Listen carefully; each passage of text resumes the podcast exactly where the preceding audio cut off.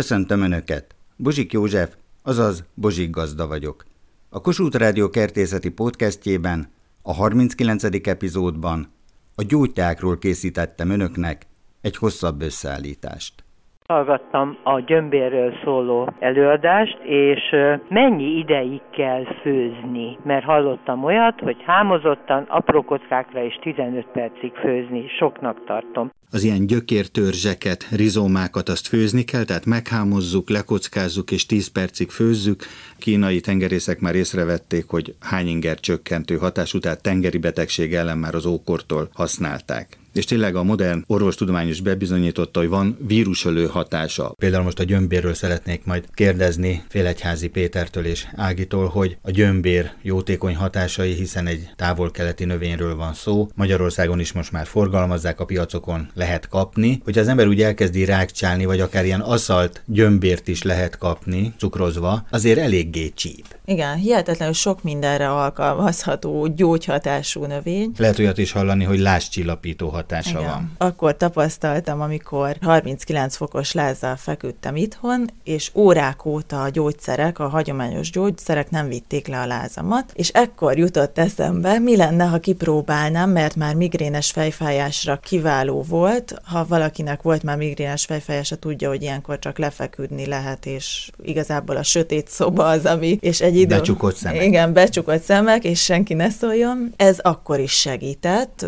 Az a trükkje, hogy az ember, amikor megpucolja, ugye én krumpli pucolóval azzal szoktam megpucolni, ugyanezzel a hámozóval vékony szeleteket hámozok le belőle, ezt egy kis tálba téve, szója cseppekkel meglocsolva. Tehát külön lehet kapni szója cseppeket, ez egy kivonat folyadék. Ez a szója szósz, igen. És ezzel megcsöpögtetve, ezt beteszem egy 10 másodperc a mikrohullámú sütőbe, akkor ez jól fölfor, ez a szójás, gyömbéres kombináció, kombináció és kioldja belőle a szója az illóolajokat, ugye egy picit így veszít az erősségéből, mert különben ugye meg se bírnánk enni, annyira erős. Mindenképp meg kell említenem, hogy előtte valamit kell fogyasztani, mielőtt ezt az ember megenni. Vajas kenyeret, zsíros kenyeret, hogy legyen egy ilyen védőbe hát vonal? akár sima kenyeret is, natúr, de hogy mindenképpen valami legyen a gyomrunkban, hogy nehogy allergiás reakciót váltson váltson ki az arra érzékenyeknél, mert ugye ez vérbőséget is okoz, és akkor ezt elfogyasztva... Egy adag hát, az mennyi?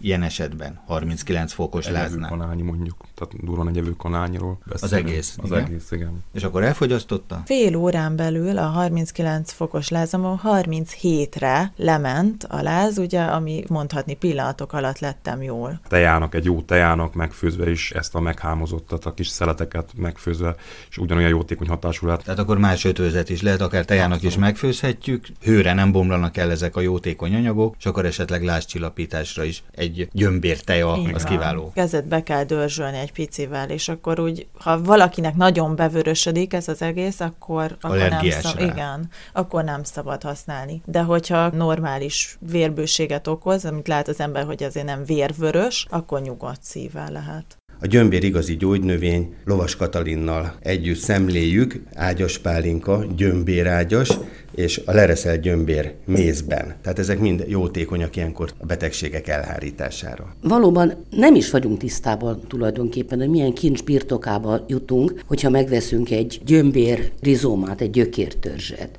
A 17.-18. századi háziasszonyok ételízesítőnek használták. Például mihez ajánlaná? Milyen ételekhez? A húslevesekbe nem kell sokat, de körülbelül egy olyan gyűszűnyi darabot levágunk, és egy marahúslevest meg lehet vele bolondítani. Nagyon finom lesz. Ezen kívül pedig joghurtokba, túrókhoz, ilyen semleges túrókhoz keverve vágjuk fel apró kockákra. Mi leszoktuk reszelni. Tehát itt mondjuk a családnál ez a divat, hogy megmossuk, meghámozzuk és lereszeljük. Ez is egy nagyon jó módszer. Én jobban szeretem kockákra, mert akkor rá lehet harapni, és akkor van ennek egy ilyen nagyon illatos, kicsit csípős íze, tehát édes dolgokba is lehet tenni, és sós dolgokba. Nincs markánsan sem édes, sem sós íze. De van tényleg egy olyan, mondjuk persze idézőjelben mondom, mint a paprikának, azért van egy ilyen csípős íze. Így van, igen, pontosan. Bár itt is manapság termesztett fajtáknál ezt a csípőséget már kivonták belőle. Hát ebből még nem sikerült, mert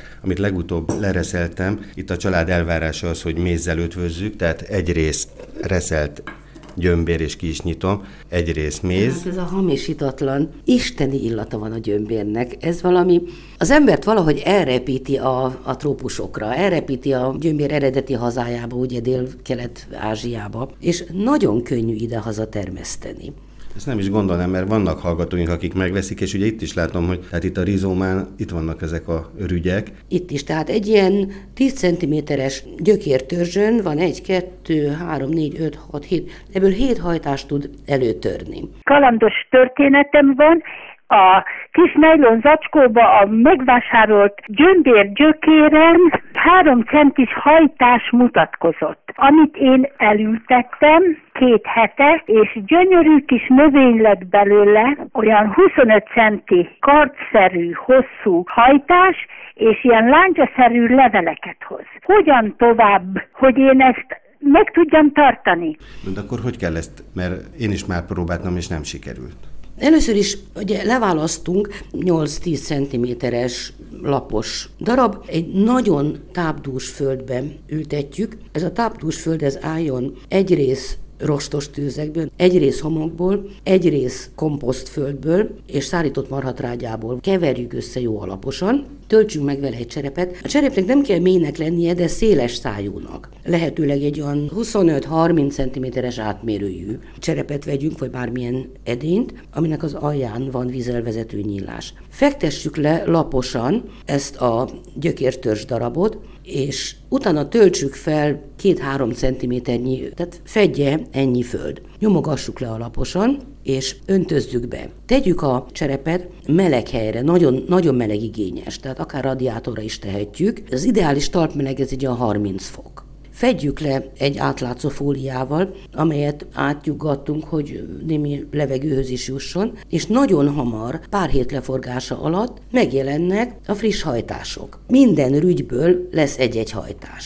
Szeretnék érdeklődni, hogy a fekete berkenye, tehát arónia, hogy kell a teját elkészíteni?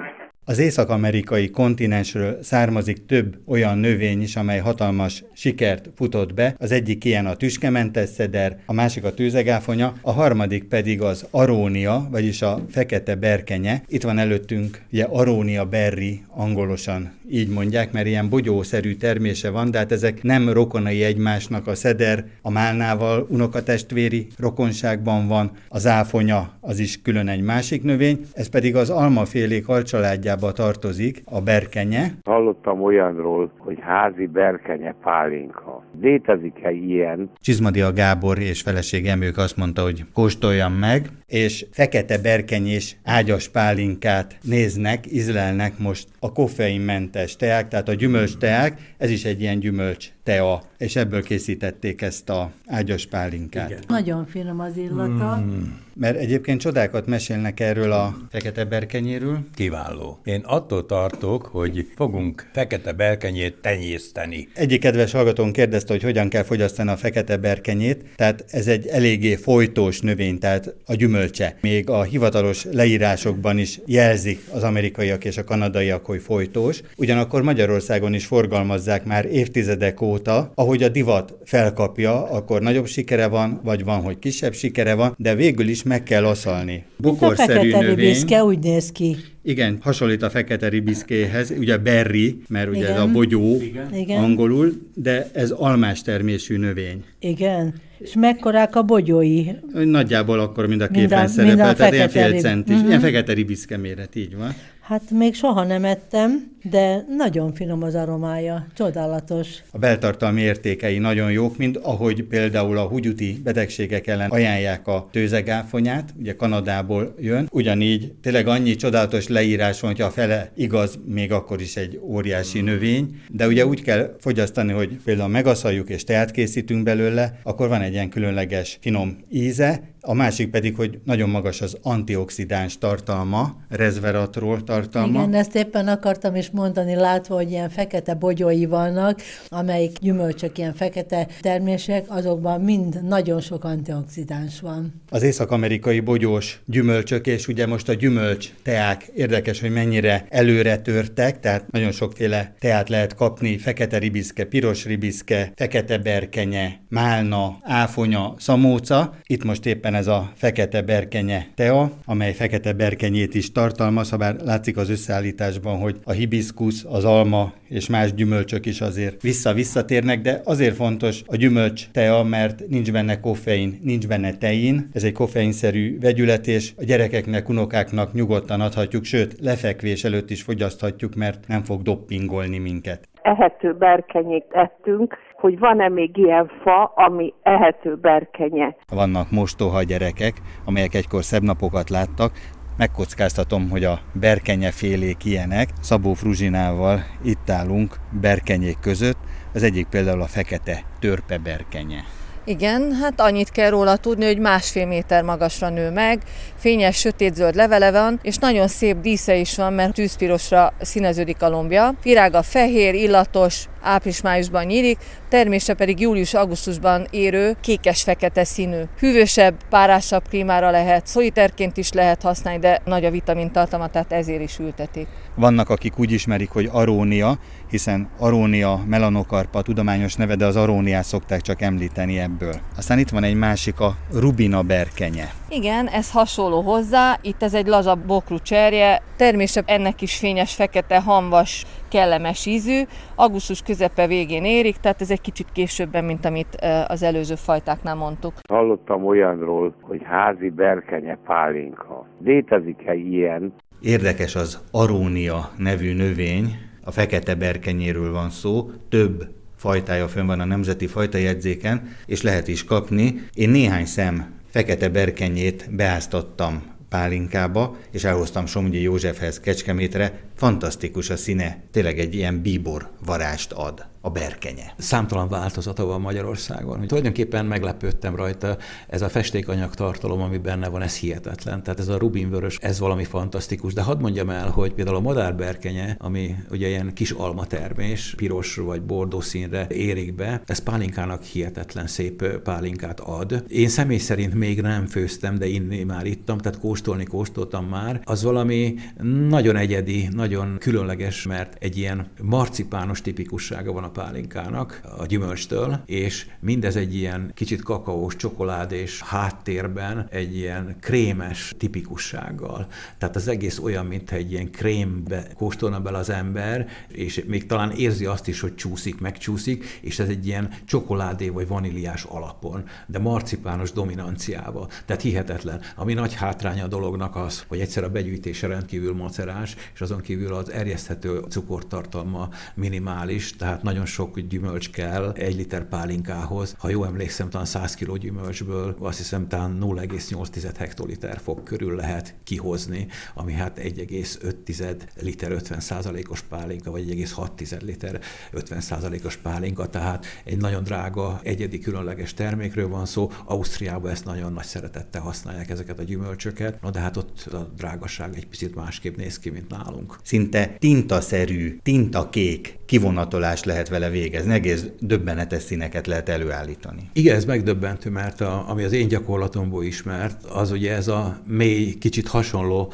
a berkenyéhez, ilyen bíbor színű. És most ezzel szembe ez a tintaszerű mélység, ez a kék mélység, ez valami fantasztikus. Na, tehát az ital technológiában ezek hihetetlen szépen alkalmazhatók, de lehet, hogy a koktél készítési technológiákban meg még jobban, mert azért likőrök meg ágyas termékek használatánál nagyon nem mindegy egy italnak az esztétikája, a megjelenése, milyen benyomást kelt első látásra, és hát csodálatos színeket lehet kivarázsolni ezekből a gyümölcsökből. Lovas Katalinhoz jöttem, aki a trópusi növények, a mediterrán növények és a különleges növények nagymestere, és ugye volt teacseréje is. Volt, hogy ne több is. Nehéz megtartani? Tulajdonképpen nem nehéz megtartani, csak mindenki azt hiszi, hogy hogy ez egy trópusi növény, tehát akkor bevisszük a meleg szobába. Na most ott... Halálát leli. Ott halálát leli valóban. Ugye az eredeti őshazája az a Himalája déli lejtőin található. Napközben a sziklákat megsüti a nap, azok jól felmelegszenek, éjszaka viszont lemegy a hőmérséklet akár, mit tudom én, mínusz 5-6-10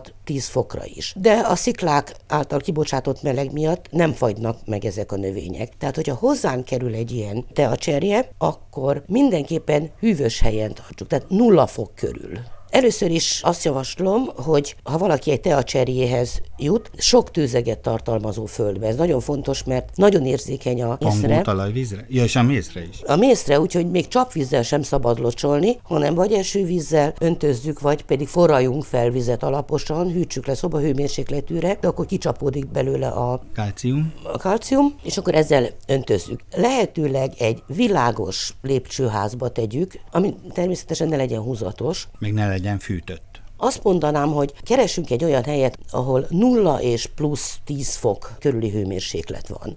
Tehát ez a citrom teleltetéséhez hasonlít, így ahogy a hőfokokat említi. Pontosan, igen, igen. Tehát ahol a citrusfélék jól érzik magukat, ott a tea is. Ha valódi Camellia sinensisről beszélünk. Na ez az. Tehát akkor ugye ha keressük, akkor hogyan keressük? Camellia sinensis a neve. Hogyha Cook kapitányra gondolunk, Ausztráliából is jutottak el növények, mert amikor odaértek Cookék Ausztrália közelébe, akkor éppen elfogyott a teájuk, és a brit tengerészek körében a teázás ugyanolyan szokás volt, mint az arisztokrácia körében, és próbáltak akkor valami teapótlót fölfedezni. Tea nélkül nincs Anglia, összeomlik a világbirodalom, szóval a tea az borzasztóan fontos az angoloknak, és valóban azt írják le, hogy amikor fogytán volt például a tea Ausztrália partjainál, akkor kukapitány kiküldött matrózokat, hogy szedjenek az adott szigetről, cserjéknek a leveleit vagy ágait, és hozzák a hajóra, és akkor kipróbálták, hogy ez alkalmas-e teának. És hát ugye így ismerjük most már mindnyájan itt Európában is az új-zélandi teafát.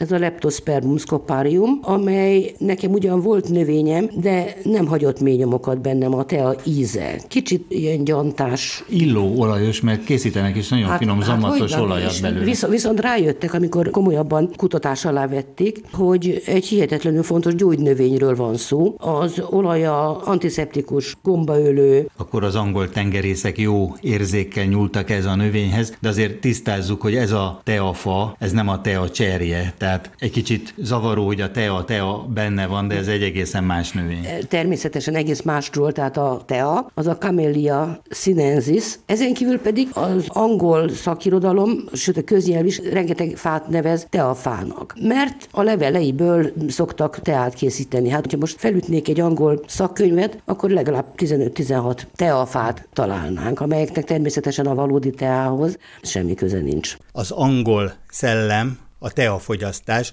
holott a brit szigeteken nem őshonos a tea. Nagyon régóta isszák az igazi angol teát, angol metódussal. De milyen is a jó tea? Ugye a tea levele, a mérete, hogy pici vagy nagy. Egészen apró levelű, általában ceyloni teja volt, Regéci Nagy Lászlóné, Márta. és elmondom az igazi tejának a főzését.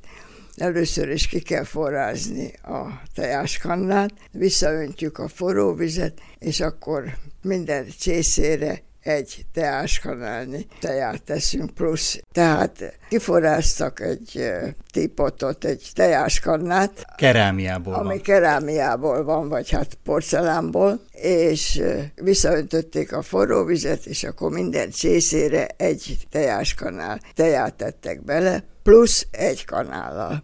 És ezt hagyták 4-5 percig állni, addig, amíg leszűrték, és hát volt, aki cukorral itta, volt, aki cukor nélkül kis konzervtejet, ami akkoriban az angoloknál nagyon finom tejkonzerv volt, azt tettek hozzá, és így itták. A kínai kapcsolat, majd az indiai birodalom angol fennhatóság alatt, vagy Ceylon, a tea levél. Említette apró tea levél és nagy tea levél, és hogy a- az angol munkások inkább a nagy levelűt itták, amely olcsóbb volt. A filter ugye felülírta az egykori teát. És az igazi angol teához, amely olyan sűrű, mint a fekete kávé, és ugyanolyan erős is, hiszen nem koffein, hanem tein van benne, és nagyon hosszan kitart a hatása, ugye ez egy teljesen más metódus, egy másféle technológia. Mint ahogy az angolok rászoktak a filteres tejára, tíbegnek mondták ők, úgy sajnos itthon is csak olyat lehet jóformán kapni.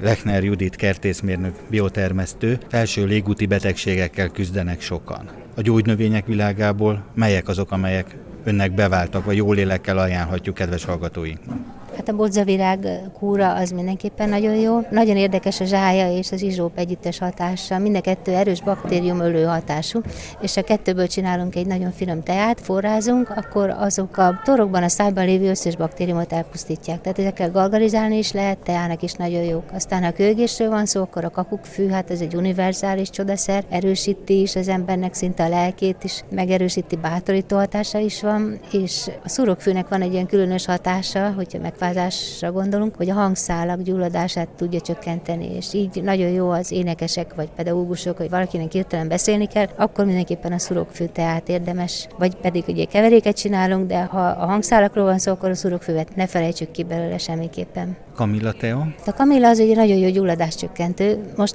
a kamillára is vonatkozik, ami szinte minden gyógynövényünkre, hogy csak kúraszerűen fogyasztjuk. Mindig csak addig, amíg a betegség el nem múlik, és utána, tehát egy két-három hétig körülbelül, de hát a kamilla, meg általában ezek a régen használatos gyógynövényeink egy hét alatt minden nátát elmulasztanak. De a kamilla például a bél problémáira is jó, tehát a bélbe levő gyulladásokat is csökkenti, meg inhalálásra. Tehát érdekes, hogy nem csak teaként használjuk őket, hanem légutakon keresztül is bejutnak. Tehát így, amit már nagyon régen csináltak az emberek, hogy egy ilyen lepedő alá a kamilla páráját szívják fel az órukon keresztül, és a kakukkfű ugyanígy használható, meg fürdőként ugyanúgy a bőrön és a légutakon keresztül jut be a hatóanyag. Hársfa, de itt ugye az ezüst hárstól óvakodjunk.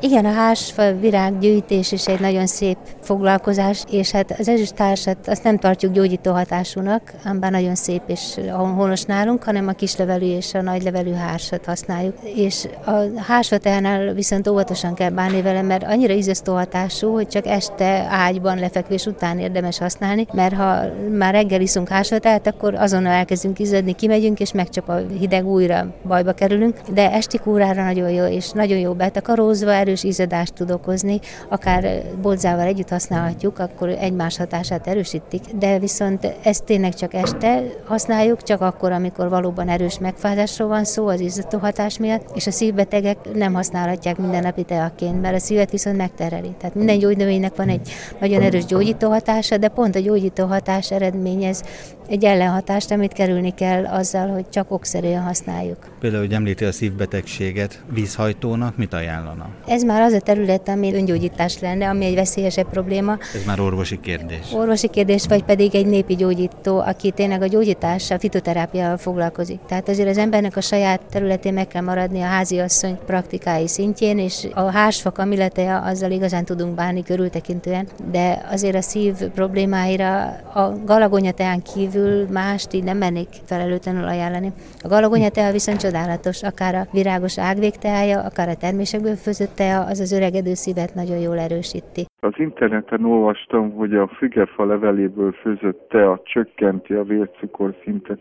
Korunk egyik népbetegsége a cukorbetegség. A gyógyfűvek csodálatos világába csöppenhettem, léphettem, és kiváló kolléganő, aki a gyógynövény tanszéken végzett a Kertészeti Egyetemen, Molnár Bosznai Éva, lehet ugye egyes típusú, kettes típusú, idősebb korban fellép az, hogy kimerül a hasnyálmirigyünk, és ellustulnak a bétasejtek, és akkor megugrik a vércukorszint, nem tudja az inzulin feldolgozni. Itt van egy indiai gyógynövény, amely Indiában őshonos, és hatására csökkenti a magas vércukorszintet, és támogatja a hasnyálmirigy működését. Itt magyar földön, de ugye indiai gyógynövényből. Igen, ezt is importból szerezzük bele a Európai Unión keresztül. Gyakorlatilag a gimnem a szilvesztrisnek a legnagyobb hatása az, hogy támogatja a hasnyálmirigyet, a másik pedig az, hogy tompítja a szervezetbe a cukorészséget. És ez egy óriási dolog, hiszen akár cukorbeteg valaki, vagy az emberek nagy része, ugye most már az édesség felé, az édes felé megy el. Mindig megeszünk egy krémest, utána együnk meg még egyet, és meglátjuk a kirakatba, és akkor a harmadikat is meg kell lenni. És tulajdonképpen ez a rossz szokás vezet ugye a kettes típusú cukorbetegséghez, amikor már a szervezet nem tudja a szervezetbe bevitt rengeteg cukrot normálisan feldolgozni, és akkor valahol meg megbomlik a rend, a hasnyálmirigybe is, az enzimtermelés, és akkor gyakorlatilag kialakul a kettes típusú cukorbetegség. Na most a gimnemába ez a nagyon jó, hogy ezt a cukorészséget egyszerűen leüti, és látom a szememmel a krémest, de nem kívánom meg, nem eszem meg, tehát már jót teszek a szervezetemmel, és már nem fordulhat elő velem, hogy kettes típusú cukorbeteg legyek. Ahogy említi, cukorészség, nekem a nikotin éjség jutott eszembe. Igen, sóvárság keletkezik, és ugye az csak akkor tudja csillapítani, hogyha ugye újra rágyújt egy cigarettára, vagy újra megeszik egy krémest. Érdekes, hogy néztem itt a különböző teakeverékeket, hogy az indián vonal, az ősi, régi nagymestereknek a meglátásai Amerikából, Közép-Amerikából. Igen, a Máté teja is, de például a Psyllium husk, vagy a vörös szilfakéreg, a slippery is ugyanúgy táplálék kiegészítőként fordul elő. Mindegyiket nagyon-nagyon sok kísérlettel alátámasztott irodalom kíséri. Amivel még nem találkoztam korábban a Lapaccio tea, az is a perui indiánoktól ered. Igen, gyakorlatilag a perui indiánoktól nagyon-nagyon sok gyógynövény ered, és ami a jó bennük, hogy nagyon-nagyon sok helyen leírták, így hát bőséggel választhatunk a tejakeverékeinkbe az indián gyógynövényekből. Tőzegáfonya, Kanada. Hogyan termesztik? Csónak is kell hozzá például, de hölgyeknek elsősorban szokták ajánlani. Igen, nagyon-nagyon sokan panaszkodnak erre a betegségre. Gyakorlatilag a legkisebb felfázás egy meggondolatlan kőreülés, egy meggondolatlan harisnya nélküli parti, egy pár fok lehűlés kiválthatja, és utána nagyon-nagyon nagy szenvedéseket okoz. Ezt a tőzegáfonya nagyon szépen kezeli. Óriási nimbusza lett újabban az acerolának, hihetetlen magas a C-vitamin tartalma. Ez is több gyógytájában szerepel. 30-40 szeres, illetve attól függ ugye, hogy hány százalékos acerolát importál az ember, 30-40 szeres vagy 50 szeres is a C-vitamin tartalma a citromnál, ami azt jelenti, hogy jóval kevesebb mennyiségbe, jóval nagyobb hatást tudunk elérni, akár a tejakeverékbe, akár az étrend kiegészítőkbe. Mária tövis, májvédő, ahogy olvastam a leírásban, szilibin és szilimarin hatóanyagai révén tumorgátló hatást is bizonyítottak róla. Tehát a máriatövisnek ilyen csodái is vannak a májvédésen kívül. Igazándiból mi a májvédő tejánkban használjuk a máriatövis magot, gyakorlatilag a másik hatását nem éreztük annyira karakteresen kikísérletezve, viszont a májvédő hatása az tökéletes. Aztán a németeknek szinte szent növénye, illetve a házasság kötésnek is az egyik szimbóluma a rozmaring, de nagyon jó hatásai vannak, például görcsoldó, fertőtlenítő hatása is közismert. Tehát nem csak gyönyörű növény, hanem gyógynövény és emésztés, segítő, serkentő, nem véletlen, hogy a különböző sültekhez is van kombináció. Így van, tehát nem mindent muszáj teja formájába fogyasztani, és erre mi is odafigyeltünk. Fűszerkeveréket sikerült kialakítani a két fiamnak, mind a kettő nagyon jól tud főzni. Mi lenne, hogyha létrehoznánk egy fűszercsaládot, ami csak 100% fűszerből áll? Áll, szívbarát, nincs benne só, és ugyanakkor bele tudunk tenni olyan növényeket, mint például a rozmaring vagy a kakukkfű, ami ugye görcsoldó is, nagyon jó hatása van az emésztésre, ezt fűszerként is el lehet fogyasztani, nem muszáj mindig tejázni. Kedves hallgatóink, van egy éjjel-nappal működő üzenetrögzítő, ezen várom az önök kertészeti kérdéseit, amelyek alapján készítem el az újabb összeállításokat. A telefonszám a következő. 061 328 7300. Várom Önöket egy újabb epizóddal a Bozsik Gazda Podcastben.